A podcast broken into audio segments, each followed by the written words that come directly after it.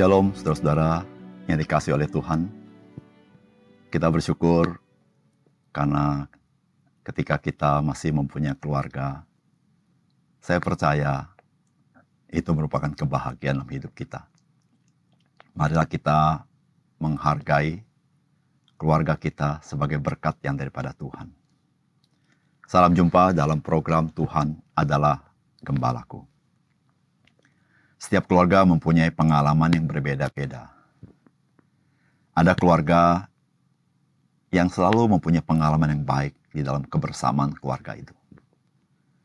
Tetapi ada keluarga yang sangat ironis adalah keluarga ini tidak pernah mengalami hal yang baik di dalam kebersamaan mereka. Dan keluarga ini menjadi keluarga yang terkoyak. Saudara, haruslah kita sadari, ketika sebuah keluarga terkoyak, maka setiap anggota keluarga itu pun secara pribadi, mereka terkoyak dalam hidupnya. Karena keluarga itu adalah tempat di mana seseorang bisa berteduh daripada bisingnya dunia ini. Bisa melepaskan segala kekhawatirannya karena ada keluarga yang mencintai dia. Betapa penting, saudara, kehidupan keluarga itu. Saudara, setiap orang percaya harus punya peran yang penting di dalam keluarga kita masing-masing. Itulah yang Tuhan inginkan dari kita. Mari kita membaca firman Tuhan hari ini yang terdapat di dalam Kejadian 44 Sesudah itu diperintahkannya lah kepada kepala rumahnya, isilah karung orang-orang itu dengan gandum seberapa yang dapat dibawa mereka, dan letakkanlah uang masing-masing di dalam mulut karungnya. Dan pialaku, piala perak itu taruhlah di dalam mulut karung anak yang bungsu serta uang pembayar gandumnya juga. Maka diperbuatnya lah seperti yang dikatakan Yusuf. Ketika paginya hari terang tanah, orang melepas mereka beserta keledai mereka. Tetapi baru saja mereka keluar dari kota itu, belum lagi jauh jaraknya, berkata Yusuf kepada kepala rumahnya. Bersiaplah, kejarlah orang-orang itu, dan apabila engkau sampai kepada mereka, katakanlah kepada mereka, Mengapa kamu membalas yang baik dengan yang jahat?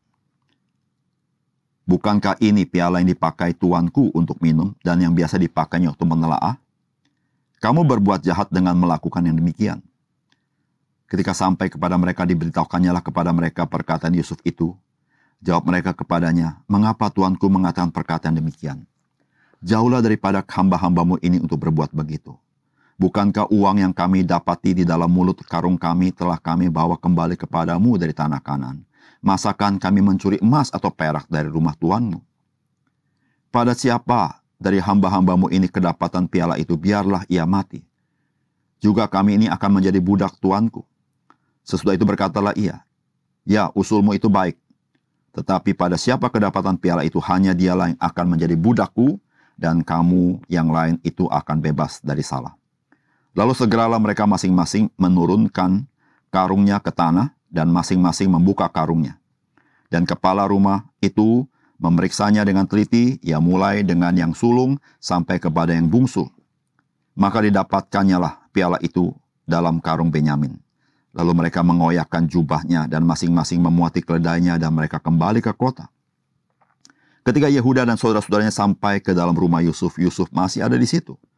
Sujudlah mereka sampai ke tanah di depannya. Berkatalah Yusuf kepada mereka, Perbuatan apakah yang kamu lakukan ini? Tidakkah kamu tahu bahwa seorang yang seperti aku ini pasti dapat menelaah. Sesudah itu berkatalah Yehuda, apakah yang akan kami katakan kepada tuanku? Apakah yang akan kami jawab? Dan dengan apakah kami akan membenarkan diri kami? Allah telah memperlihatkan kesalahan hamba-hambamu ini. Maka kami ini budak tuanku lah kami. Baik kami maupun orang pada siapa kedapatan piala itu. Tetapi jawabnya, jauhlah daripadaku untuk berbuat demikian pada siapa kedapatan piala itu dialah yang akan menjadi budakku. Tetapi kamu ini pergilah kembali dengan selamat kepada ayahmu.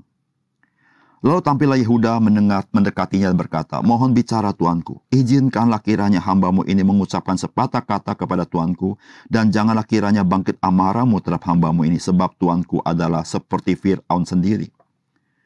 Tuanku telah bertanya kepada hamba-hambamu ini, Masih adakah ayah atau saudara kamu? Dan kami menjawab tuanku, Kami masih mempunyai ayah yang tua dan masih ada anaknya yang muda, yang lahir pada masa tuanya kakaknya telah mati. Hanya dia sendirilah yang tinggal dari mereka yang seibu, sebab itu ayahnya sangat mengasihi dia. Lalu tuanku berkata kepada hamba-hambamu ini, bawalah dia kemari kepadaku supaya mataku memandang dia. Tetapi jawab kami kepada tuanku, anak itu tidak dapat meninggalkan ayahnya, sebab jika ia meninggalkan ayahnya, tentulah ayah itu mati.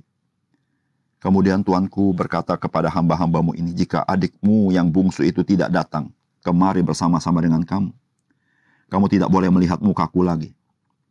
Setelah kami kembali kepada hambamu, ayahku, maka kami memberitahukan kepadanya perkataan tuanku itu. Kemudian ayah kami berkata, kembalilah kamu membeli sedikit bahan makanan bagi kami. Tetapi jawab kami, kami tidak dapat pergi ke sana. Jika adik kami yang bungsu bersama-sama dengan kami, barulah kami akan pergi ke sana, sebab kami tidak boleh melihat muka orang itu apabila adik kami yang bungsu tidak bersama-sama dengan kami. Kemudian berkatalah hambamu, ayahku, kepada kami. Kamu tahu bahwa istriku telah melahirkan dua orang anak bagiku. Yang seorang telah pergi daripadaku dan aku telah berkata, tentulah ia diterkam oleh binatang buas dan sampai sekarang aku tidak melihat dia kembali. Jika anak ini kamu ambil pula daripadaku dan ia ditimpa kecelakaan, maka tentulah kamu akan menyebabkan aku yang ubanan itu turun ke dunia orang mati karena nasib celaka. Maka sekarang, apabila aku datang kepada hambamu, ayahku, dan tidak ada bersama-sama dengan kami, anak itu, padahal ayahku tidak dapat hidup tanpa dia. Tentulah akan terjadi apabila dilihatnya anak itu tidak ada, bahwa ia akan mati, dan hamba-hambamu ini akan menyebabkan hambamu ayah kami yang ubanan itu turun ke dunia orang mati karena duka cita.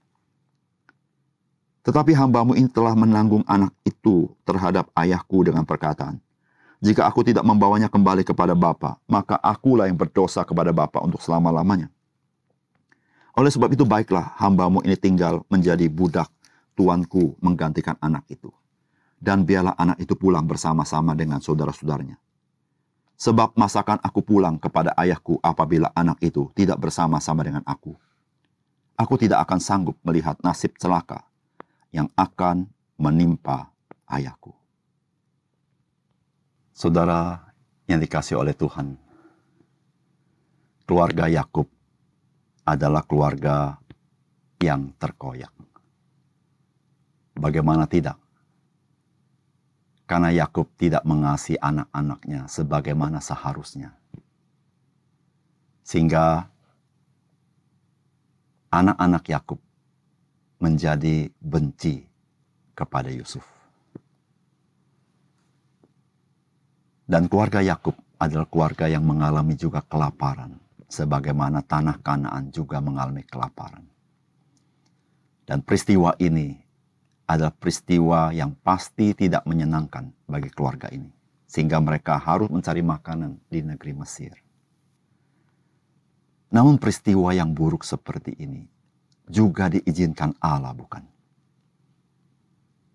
Saudara, apakah pesan firman Tuhan bagi kita dari kisah ini? Yang pertama, Tuhan hendak memakai orang percaya menjadi pemersatu keluarganya.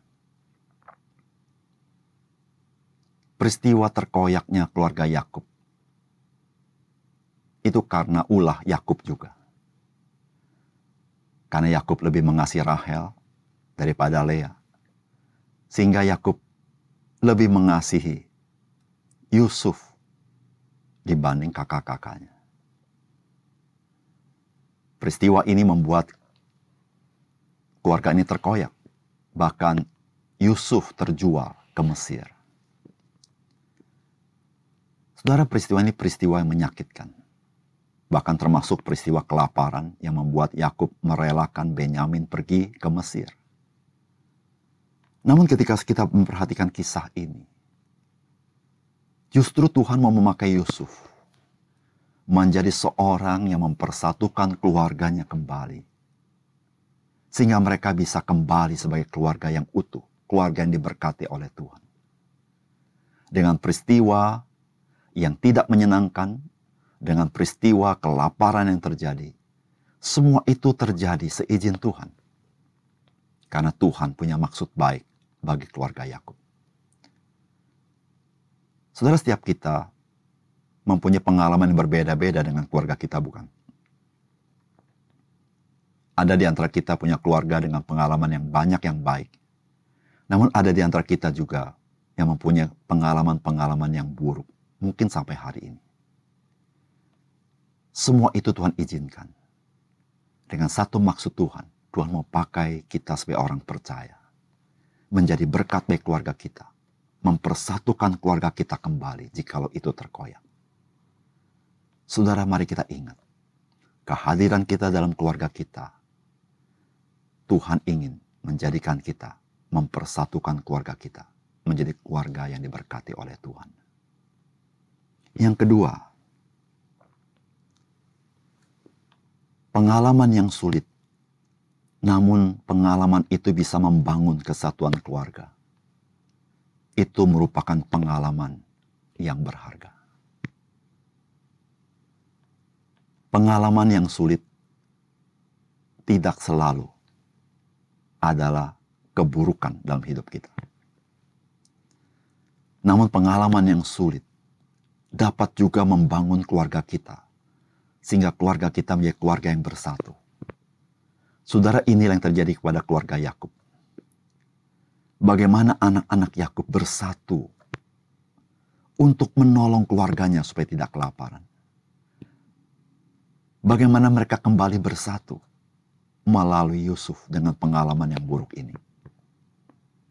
Saudara, pengalaman yang sulit yang seperti ini menjadi pengalaman yang berharga, bukan? Karena dengan pengalaman yang seperti ini, keluarga Yakub, anak-anak Yakub boleh menjadi kesatuan kembali.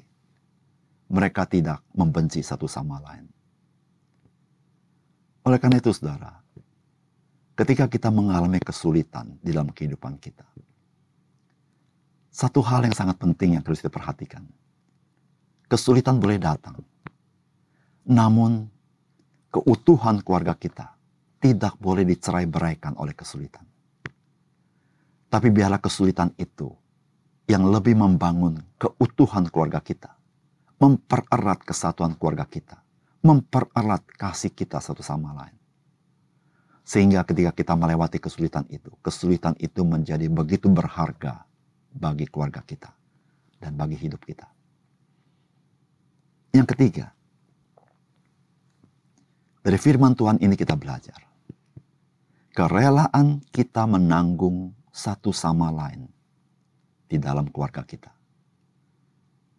Itu membangun keutuhan keluarga kita. Keluarga terkoyak, keluarga terpecah Salah satu unsurnya adalah ketika setiap anggota keluarga tidak peduli dengan anggota keluarga yang lain. Di mana setiap anggota keluarga tidak mau menanggung anggota keluarga yang lain. Kalau saudara perhatikan kisah keluarga Yakub, bagaimana mereka saling mau menanggung satu sama lain. Mereka menjaminkan diri mereka kepada bapaknya supaya mereka bisa menolong keluarga ini dari balak kelaparan. Saudara sikap mereka itu mempersatukan keluarga mereka. Termasuk juga bagaimana Yusuf. Dia mau menanggung keluarganya, menanggung kakak-kakaknya, menanggung adiknya, menanggung bapaknya. Saudara semangat menanggung ini, saudara. Mempererat tali persaudaraan. Memperkuat kesatuan di antara mereka. Saudara marilah kita belajar membangun keluarga dengan semangat rela menanggung anggota keluarga lain. Saling menanggung beban satu sama lain. Di situlah kita mempunyai kesehatian, kebersamaan, dikuatkan. dan keluarga yang sehati seperti ini diberkati oleh Tuhan. Mari kita berdoa. Bapak surga terima kasih untuk pelajaran yang penting bagaimana kami bisa membangun keluarga kami. Keluarga Yakub keluarga yang terkoyak. Keluarga Yakub menjadi keluarga yang sungguh-sungguh retak satu sama lain. Namun ya Tuhan kami bersyukur pengalaman hidup mereka melalui kesulitan justru mempersatukan mereka kembali. Mereka menemukan arti hidup berkeluarga di antara mereka, yaitu saling menanggung satu sama lain. Ya Tuhan terima kasih untuk firman Ketika kami menghadapi kesulitan dalam kehidupan kami di tengah-tengah keluarga kami. Biar satu hal yang kami harus ingat, kami harus tetap menjaga keutuhan keluarga kami. Karena ya Tuhan, ketika rumah tangga kami utuh, kami percaya Tuhan menyediakan berkat bagi kami. Dan segala kesulitan menjadi sesuatu yang berharga dalam hidup kami. Tuhan terima kasih jadikanlah kami anggota keluarga yang rela menanggung satu sama lain. Untuk kami boleh membangun kehidupan kami untuk memuliakan Tuhan. Terima kasih Tuhan. Dalam nama Tuhan Yesus kami berdoa. Amin.